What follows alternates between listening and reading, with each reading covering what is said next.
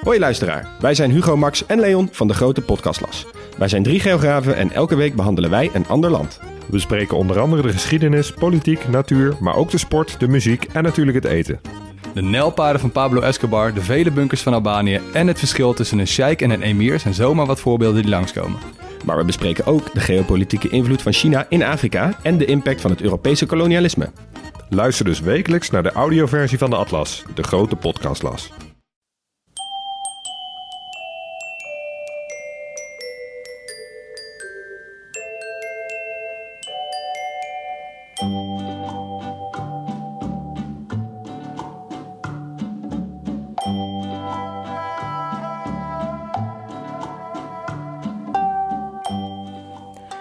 Welkom bij aflevering 145 van de Echt Gebeurd podcast, waarin waargebeurde verhalen worden verteld door mensen die ze zelf hebben meegemaakt. Maar we hebben bij Echt Gebeurd ook mensen die voorlezen uit hun puberdagboek. En dit keer op de podcast het puberdagboek van Daphne Gakes.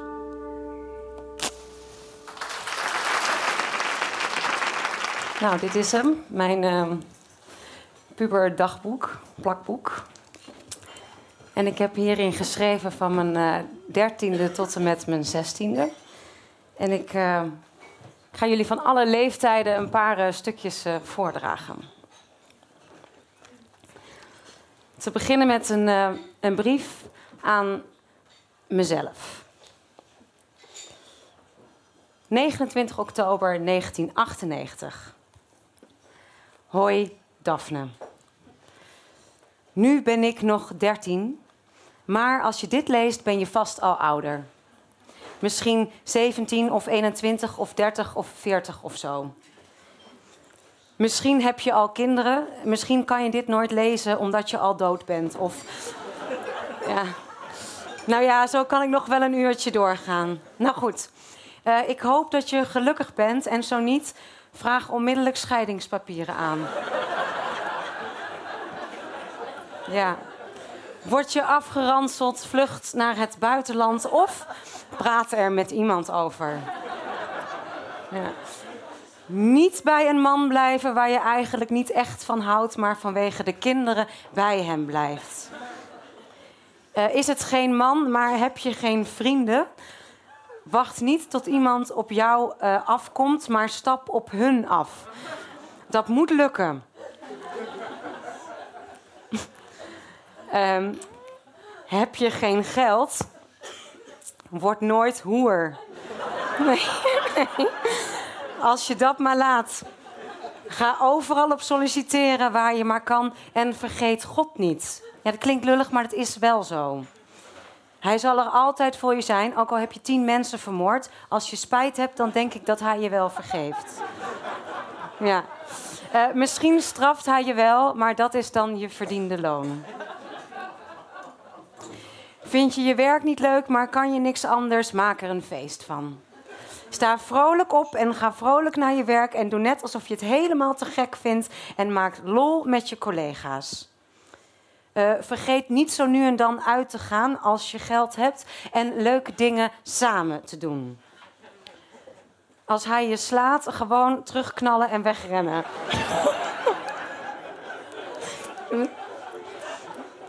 uh, uh, leven zonder lol is geen leven en luister naar je hart. Dit was de wijze Daphne Les. Ik hoop dat je hier wat van opgestoken bent. U kunt nu omslaan. Groetjes, kusjes, jezelf. Ja. Uh, eh, 22 december 1998, 13 jaar. Als ik mijn moeder hoor vertellen over vroeger, dan denk ik dat het heel ouderwets was toen. En ik denk dat mijn kinderen, als ik die krijg, dat later ook van mij gaan denken. Maar het is hier dus helemaal niet ouderwets.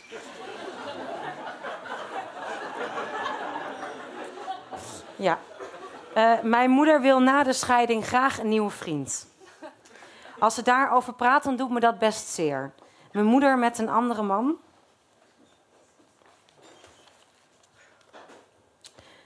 ...6 februari 1999. Ingrid is de nieuwe vriendin van pap. Ik ben heel benieuwd. Ze komt morgen. Ik vond haar in ieder geval lelijk op de foto die ik heb gezien. Ja. Eh, ik voel me denk ik best lullig als ik haar mag en aardig vind tegenover mam. Maar ik denk dat ik haar nooit als een echte moeder zou zien. En mam zou ik voor geen goud willen missen. Ook al hebben we soms ruzie over de rommel op mijn kamer en over mijn gedrag. En dan de volgende dag. Ingrid is een knappe, lollige vrouw. Ik voel me best lullig tegenover mam. Ik hoop dat mam, nadat ze een huis heeft gevonden, een lieve en knappe vriend krijgt.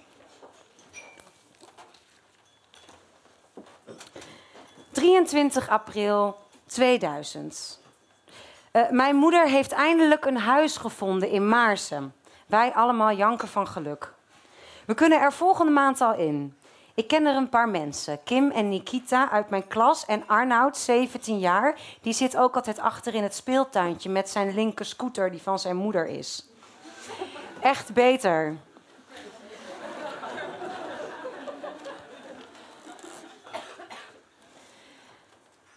27 oktober 2000, 14 jaar. Eigenlijk zijn alle meisjes uit mijn klas wel onzeker. Ik vind mezelf bijvoorbeeld super dik.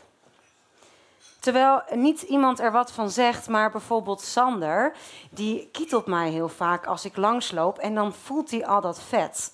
En daar word ik dan heel onzeker van, maar ik heb een masker op.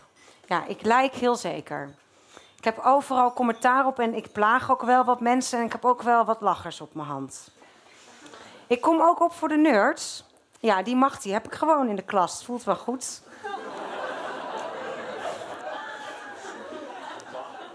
Het is niet zo dat ik het ben hoor in de klas, want er staan altijd nog mensen boven me, zoals Merel. Maar dat boeit niet, want daar kan ik goed mee. Nou.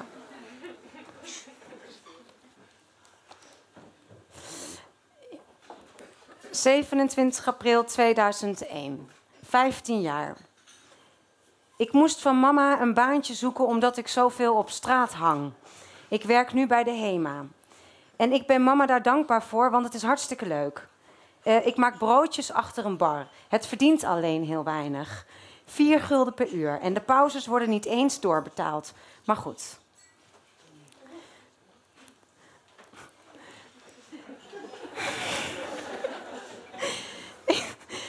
21 januari 2001. Ik ben weg bij de HEMA.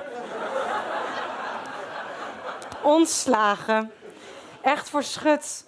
Ik had bij de kassa dingen niet aangeslagen en in mijn eigen zak gestoken. Gepakt. Bout. Echt zoveel geld gejat. Ik werd door agenten opgehaald. Ja, moest naar het politiebureau. Dat was wel gezellig. Ja, die mensen waren heel aardig. En ze vonden mij geen type voor halt. Maar ja, nu moet ik dus voor halt werken. Onkruid wieden langs de kant van de weg. En het erge is dat het heel Maarse is rond geweest. Ik ben dus nu voor dief verklaard. Ja, ja, crimineel hè? Pap was teleurgesteld, maar we hebben goed gepraat. En mam, tja, die kon er wel om lachen. Okay, 21 mei 2002, sterretje. 15 jaar. Oké, ik ga nu iets schrijven, maar ik ben echt heel erg bang dat iemand het leest. Dus ik heb een sterretje boven de datum gezet. Ja, Oké, oké, hier komt hij. Ik denk dat ik biseksueel ben. Ja, ik zou heel graag seks willen hebben met een meisje. Ik kan er niks aan doen, het is gewoon zo. Maar ik ben dus heel bang dat iemand dit leest, want het is best voor. Ja, ik val wel meer op jongens dan op meisjes, maar ik vind meisjes gewoon mooi. Zo, dat is er ook weer uit. 2 juni 2002, 16 jaar. Vorig weekend heb ik met Wesley gekust. Uh, toen kreeg ik maandag te horen dat Wesley met Jessica heeft. Dat is echt zo'n gevaarlijke chick, ze komt uit het kamp. Dus Wesley die belt mij steeds en ik heb hem gezegd dat hij het eerst uit moet maken als hij mij nog een keer wilde zien. Maar dat deed hij dus. En toen stond woensdag de beste vriendin van Jessica, Denise, met een schroevendraaier voor mijn neus te zwaaien. En te schreeuwen dat ik een kankerwijf ben. En dat ze mijn kankerogen gaat uitsteken. Ja. Midden in de pauze, waar iedereen bij was. Ik schrok me dood, want Denise komt dus ook uit het kamp. En ik wil echt geen ruzie met kampers. Dus ik legde bibberend uit dat ik er niks aan kan doen, want ik wist niet dat Wesley een vriendin had. Gelukkig zat Merel naast mij en die trok haar mond open. Ja, je moet niet denken dat ik bang voor je ben, riep ze. Nou, Denise droop, droop af en ik plaste bijna in mijn broek van angst. Maar goed, nu zit ik met Wesley. Ja. Hij blijkt dus een vet gevaarlijke crimineel te zijn. En ik weet niet hoe ik van hem afkom. Hij vindt nu dat ik zijn eigendom ben, omdat hij het voor mij heeft uitgemaakt. Nou, die jongen is niks voor mij. Toch durf ik hem dat niet te zeggen. Ja, 22 juni 2002. Wesley is volgens mij op Merel. Merel en ik reden op haar scooter het schoolplein op en daar stond Wesley met zijn linker vriendjes. Hij zit helemaal niet bij ons op school. Maar goed, ik zei eigenlijk niks en Merel ging vet stoer doen over haar scooter. En toen vroeg hij haar nummer. Echt een player. Het was einde Wesley. Ja. Mama heeft trouwens een nieuwe vriend, Richard. Ze is zo verliefd, ze lijkt wel een puber. Ik ben blij voor haar, maar ik heb ook het gevoel dat ik er nu in mijn eentje voor sta. Ze is veel weg. Ik kan wel lekker mijn eigen gangetje gaan. 7 juli 2002. 16 jaar. Dit is een belangrijke tijd voor me. Ik leer mezelf kennen en ik begin volwassen te worden. Met Merel ga ik weekends lekker op stap en heb een hoop leuke dingen meegemaakt. Merel zal altijd mooier zijn dan ik. Dat is niet erg, ik gun het haar, maar het is wel confronterend voor me. Ik zou graag knapper willen zijn, maar ik denk dat het er nooit van gaat komen. Uh, ik ga toch graag met Merel op stap. In het leven draait het absoluut niet allemaal om uiterlijk, dat weet ik. Maar je komt er met een mooi uiterlijk wel goed van af in deze maatschappij. Dus ga ik er toch voor om het beste uit mezelf te halen. Maar ja, ik ben nu 16 jaar, dus ik heb nog een heel leven voor me. Ik hoop dat ik later trots ben op mezelf. Dank jullie wel.